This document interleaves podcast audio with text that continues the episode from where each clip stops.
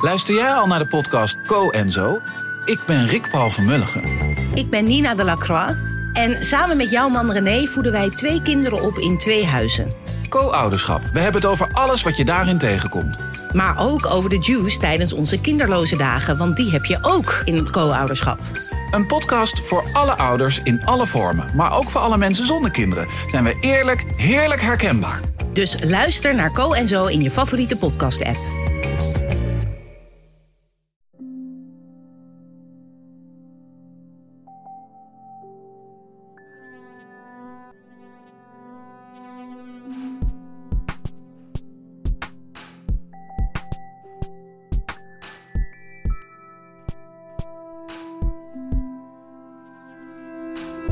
Hey, dit is Pieter van Relaas.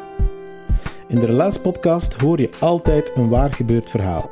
En dat wordt verteld door hij of zij die het zelf heeft meegemaakt.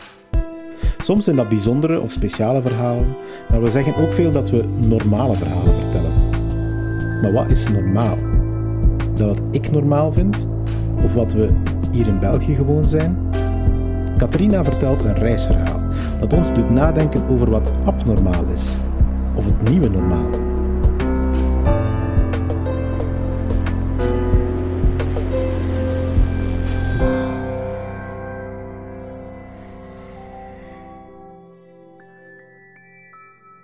Ehm, het begon allemaal met een vriend van mijn broer, Koen.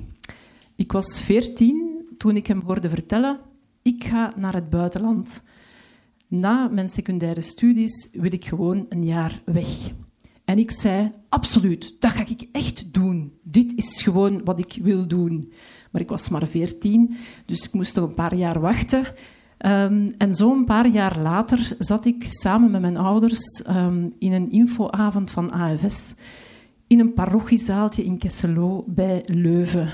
Op, sa samengepakt zoals wij hier nu zitten, te luisteren naar wat, dat allemaal uh, wat daar allemaal kon bij kijken.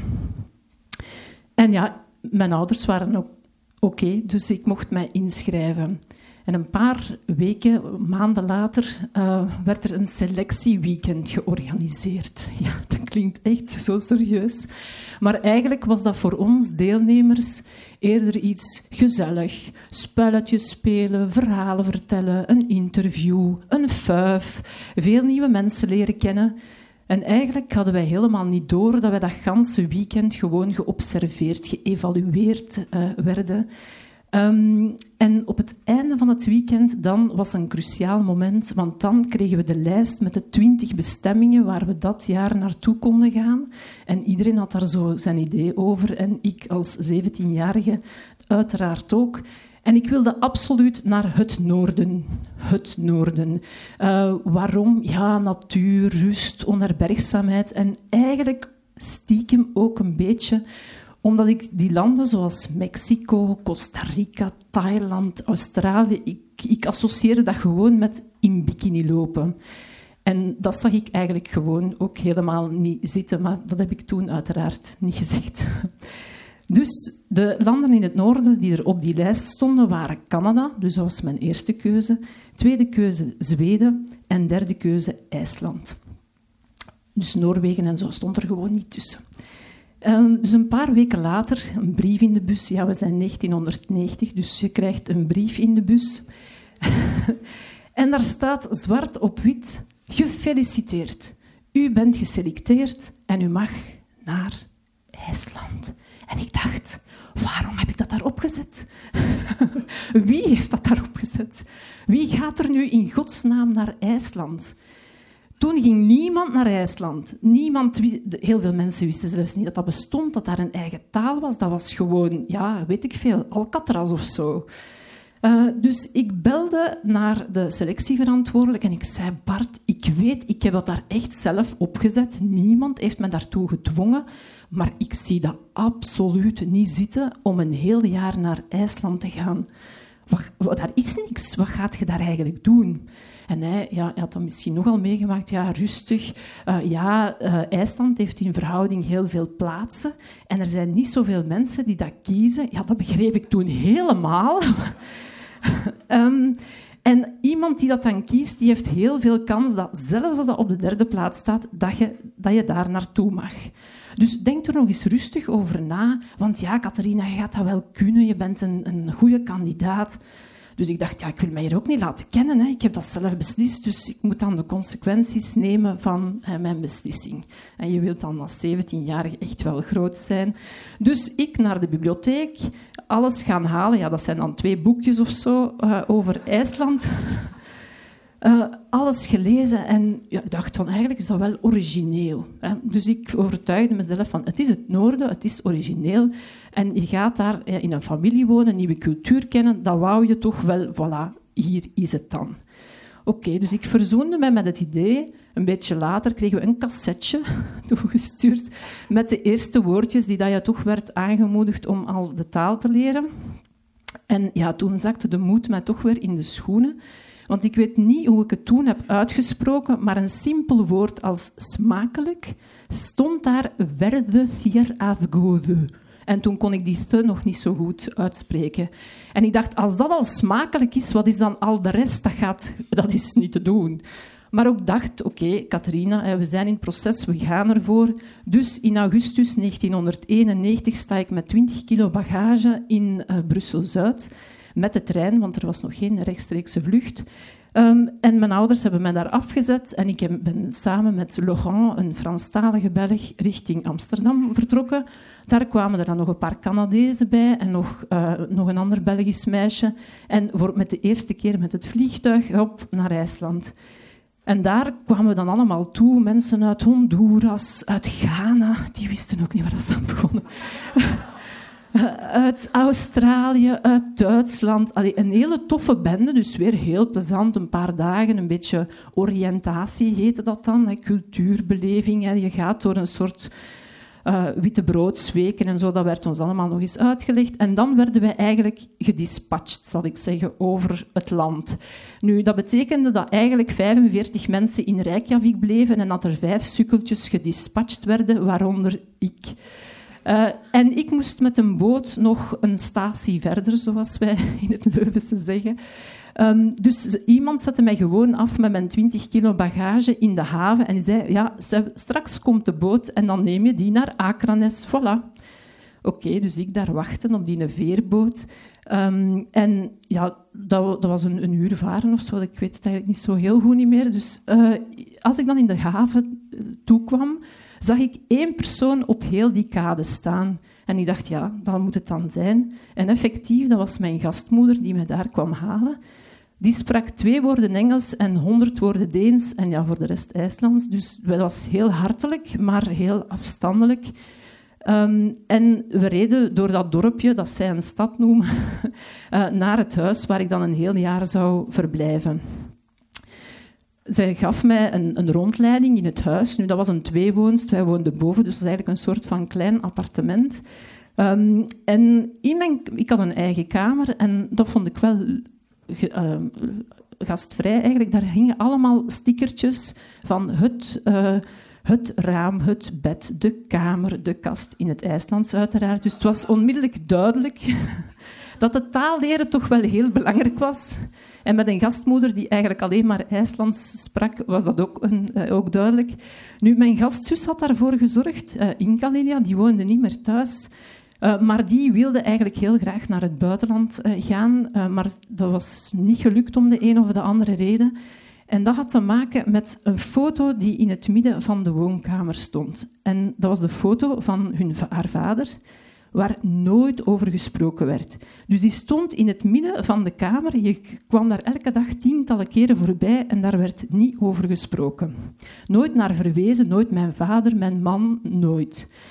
En veel later pas hoorde ik dat die man overleden was. Uh, hij was een visser en hij is eigenlijk verdwenen op zee. En daardoor zijn ze in de financiële problemen geraakt en kan zij dus niet naar het buitenland gaan, want dat kost toch een beetje geld. En dus had zij haar moeder overhaald om mij dan uh, uh, in huis te halen, zodanig dat de wereld naar hun kwam in plaats van zij naar buiten stapte. En tot op vandaag hebben wij een hele goede band, dus het is haar wel gelukt. En met haar um, was het... Zij sprak in het begin wel Engels, dus dat, dat lukte. Maar dat was heel snel ook van... Oké, nu ben je hier een week. Um, en het zou me te ver leiden om heel de, alle vervoegingen en verbuigingen in het IJslands uit te leggen, maar neem het van mij aan dat ik heel vaak op het verkeerde been werd gezet, omdat zij vervoegen gewoon alles. Plaatsnamen, eigennamen. Dus heel dikwijls moest ik gewoon een beetje raden van, ah ja, ik denk dat het over die persoon gaat en dat dat gaat uh, gebeuren. Um, en een paar, uh, twee weken later of zo, moest ik naar school. Dat was de bedoeling, dat maakt deel uit van het programma. Dus mijn gastgezin had ik leren kennen en dan gingen we naar school. Nu, de middelbare school die begint daar op 16 jaar. En ze hebben ook maar schoolplicht tot 16 jaar. En ik kwam van een brave katholieke meisjesschool in Leuven, zoiets als de Dams, maar dan zonder uniform. En ik kom daar terecht in een school waar, waar geen leerplicht is, waar jongens en meisjes samen activiteiten organiseren, waar er deeltijds gewerkt en deeltijds geleerd wordt, waar mensen zwanger rondlopen, waar mensen samenwonen. Dat was gewoon een heel andere wereld die daar, uh, die daar open ging. En zo herinner ik mij de, uh, de Engelse les met meester Björn, maar je zegt daar gewoon Björn. Uh, en Annaleif zat bij mij in de klas. Ze was 18, ze woonde samen met haar partner op zijn boerderij en ze hadden een kindje. Oké, dat op zich vond ik al wereldschokkend nieuws. Dat is gewoon niet normaal. En die mogen hier zwanger naar school komen. Ik, eh, in geen, eh, stel u voor dat er iemand van onze klas zwanger was geworden. Die werden gewoon stand van school gestuurd. En hier was dat normaal. En het ging zelfs nog een stapje verder, want Anna Lijf, haar kindje, had geen opvang en ze had die gewoon meegenomen. Uh, dus die baby stond met zijn buggy in de gang maar natuurlijk, baby's die hebben geen afstandsbediening, dus als die beginnen wenen, dan moet je daar naartoe. En dat was allemaal oké. Dus ze ging die halen, ze zette die op haar knie. Meester Björn ging daar kiekeboe mee spelen. En ik dacht, wat gebeurt er hier? ik, dacht van, deze kan... Dat is abnormaal. Um, En zo, ja, zo gebeurden er wel uh, meerdere dingen. Ik ging ook met mijn zus uh, heel vaak samen sporten. IJslanders zijn echte sportfanaten. En je ziet dat sommige voetballers ook tot hier uh, geraken. Um, en sport is eigenlijk een van de belangrijkste activiteiten. En het leuke van, van sport is vooral het zwemmen. Allee, dat vind ik dan zelf. Um, omdat dat bijna overal openluchtzwembaden zijn, dankzij het vulkanisch warme water dat daar overal voorhanden is. Dus je komt van de warmte, je loopt door de kou en je springt terug in de warmte. En je hebt sneeuw rondom, soms ook een sterrenhemel, want het is daar uiteraard vaak donker. Um, en dat is gewoon ongelooflijk. Um, en ik die dacht van, oh, IJsland of het noorden, hè, daar ga ik niet veel in bikini of in badpak moeten lopen. Want ik denk dat ik nog nooit zoveel in badpak heb gelopen dan daar uh, in, het, uh, in het noorden. Dus de verwachtingen worden af en toe uh, wat bijgesteld. Nu, naast sporten denk je misschien ook wel bij het noorden aan drank. En effectief, dat was er ook. Um, en uh, mijn zus, ik had twee zussen, eentje woonde in, uh, in Reykjavik en die kwam af en toe op bezoek en die heette Guvni. Dat heeft me zes maanden ge gevraagd om gewoon haar naam uit te spreken. En die kwam op bezoek en die zei, ja, Kata, dat was mijn naam daar, ze verijslandse alles, zelfs mijn familienaam, daar maken ze Sveipla van. Um, en uh, de, ze vroeg, ga je mee? En ik dacht, ja, ik ga mee. Ik wist ook, ja, vragen stellen heeft geen zin, want ik verstond toen zelf toch niet. Dus als er iemand betrouwbaar aan mij vraagt, ga je mee? Dan ga ik mee. Dus mijn zus betrouwbaar. Uh, ik zag wel dat zij en haar uh, zus en haar vriendin Signy, die maakten zich mooi op.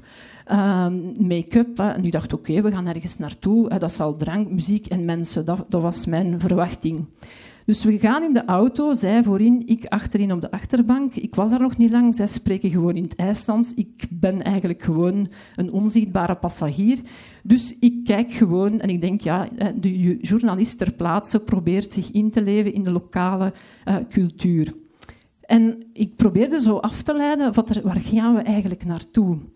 En ik zag dat er nog andere auto's, ook volgepakt met mooi opgetutte dames en... Uh, dronken heren, ja, maar, uh, ook, uh, ook daar reden. In de twee richtingen. En plotseling stoppen we. Het raampje gaat open, de andere auto ook, raampje open. En er wordt gepraat, terwijl ze dus in de auto zitten. Wat ze zeggen, weet ik niet, maar ik denk dat dat zo'n beetje een cafépraat uh, geweest moet zijn. Dat gaat een tijdje door, raampje terug naar boven, weer verder rijden. Dan spotten ze weer een auto van, ah ja, daar kennen we iemand. Stoppen, raampje open, babbelen. En, en ik denk nog altijd, we gaan ergens naartoe. Maar dan denk ik van, ik ben hier precies nogal geweest hier. Ik herken dat precies. En effectief, dat was het. Die hebben gewoon tien Turkers in dat dorp gereden gespot totdat ze iemand zagen. Oké, stop. Maar het is dus te koud om uit te stappen, denk ik dan. En uh, ergens naartoe gaan is duur, zeker voor de, de jongeren die nog, uh, ook nog geen alcohol mogen drinken, want dat is daar wel vrij gestrikt gereglementeerd. Dus ik dacht, oké, dit was het dan. Oké. Maar gelukkig was het niet elke zaterdag zo toertjes rijden. dan was ik misschien iets kritischer geworden van nee, ik ga deze keer niet mee. Um, er was ook een schoolfeest. Ik, ik, herinner me één schoolfeest. En ja, ga je mee? Ja, uiteraard, ik ga mee. En met een paar uh, medeleerlingen in de klas, um, die vroegen van, ja, kom eerst naar ons huis, want wij gaan ons daar samen klaarmaken, whatever it may mean. Uh, en dan gaan we terug naar de vuif. Oké, dus ik daar naartoe werd, werd, volledig verkeerd gekleed, want ja, ik was nogal niet zo bezig met opmaken en optutten en en nylonkousen en zo. En zo. Uh, gelukkig hebben ze mij daar nooit over aangesproken, maar ik kroop vrij snel zo terug in de journalist die het zo bekijkt van wat gebeurt hier allemaal, wat doen die? Er was bijvoorbeeld een grote tijl met van, van alle alcoholische dranken die daar vermengd werden. Um, het was ook mijn eerste kennismaking met tequila boom boom. Dus dat is uh, eh, zout op hun uh, palm doen, drinken en dan zo'n shot tequila. Ik dacht, ik had dat dus nog nooit gezien. Ik was wel al naar Fuiven geweest, hè, dus ik was niet in, heel, in helemaal een zebbedeken. Maar die uh, extra sterke alcoholische dranken en zo, dat was allemaal nieuw voor mij. En als iedereen dan los genoeg was, want dat zeiden ze van, ja, we moeten wat loskomen, want ja, als je dronken bent, dan, dan mag je meer. Dat was ook hun duidelijk doel van dat indrinken. Uh, dan gingen we dus naar deel 2. En dan dacht ik, oh, dat ziet er hier wel gewoon normaal uit. Hè. Muziek, mensen. Hè. Slows kan ik me bijvoorbeeld niet herinneren, maar wel de limbo. Dat was super populair en daar gingen ze allemaal helemaal voor. Dus dat was wel ambiance, dus oké, niks, niks, niks helemaal spectaculair. Totdat Vigdis, die bij mij in de klas zat, die, die kroop op een tafel. En ik dacht direct van, oei, die heeft te ver gedronken. Dat is gevaarlijk. maar niemand hield daar tegen. En ik dacht, oké, wat sensueel dansen. Iedereen moedigde die nog aan ook. Ook de vriendinnen die ook gewoon met haar in de klas zaten. En ik dacht van, nee, iemand moet die tegenhouden. Maar ik durfde dat dus wel zelf niet. En uh, ja, en daar gingen kledingstukken uit. En uh, ja, dat was dus gewoon een echte stripakte. En ik dacht van, dat is hier niet normaal. Um, en ja, dat was zo'n beetje uh, een vreemde opeenstapeling af en toe. Ik dacht van, dat is hier toch echt wel abnormaal. En dan dacht ik van, waarom ben ik nu eigenlijk naar hier gekomen? Eigenlijk was dat, ik wil een, uh, een gastgezin leren kennen, een nieuwe cultuur, een nieuwe taal, ik wil naar school gaan. En eigenlijk kwam dat allemaal ook wel. En ook de natuur. Dat was zo eigenlijk ook een van de dingen. Ja, de natuur is daar heel anders en in IJsland is dat uiteraard zo. Um, nu staat dat op veel mensen hun bucketlist, zal ik zeggen, het Noorderlicht. Ik had daar dus nog nooit van gehoord toen. En, maar ik heb dat daar wel gezien en ik was daar helemaal van onder de indruk. En dan zei ik tegen mijn gastmama, kijk, kijk. En ze zei, ja, het is koud, hè. Dat zie je dus alleen maar als het koud en donker is. En, en dan probeer je dat naar, naar, huis op te schrijven. Moeder en vader, ik heb hier een dansend ballet van kleuren in de lucht gezien. En die dachten al dat ik te veel gedronken had. Die snapten er niks van. En ja, eigenlijk is dat een beetje mijn jaar geweest. Het is onbeschrijfelijk. Eerst denk je van, dat is hier abnormaal. Dan denk je van, dat is hier normaal. En nu denk ik, uh, of maak ik er een nieuw normaal van?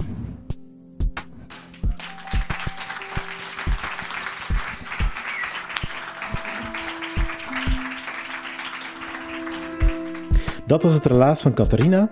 Ze heeft het verteld in een hopzak in Antwerpen. Dat was in maart van 2020, twee dagen voor de coronacarantaine begon in België. Toen we nog allemaal gezellig samen mochten zijn. Het klinkt al een beetje nostalgisch. maar toch blij dat ik erbij mocht zijn. Relaas wordt gemaakt door een enthousiaste groep vrijwilligers. We zijn met bijna 30, dus ik haal er af en toe iemand uit. En hier is dat Lin. Lin is een van de relaascoaches en ze is ook ceremoniemeesteres op de relaasavonden in Antwerpen. Dus als je er daar eens live bij bent, dan hoor je haar ook aan het werk. Merci Lin. Reizen, dat doet iets met een mens, heb ik mij al veel laten vertellen.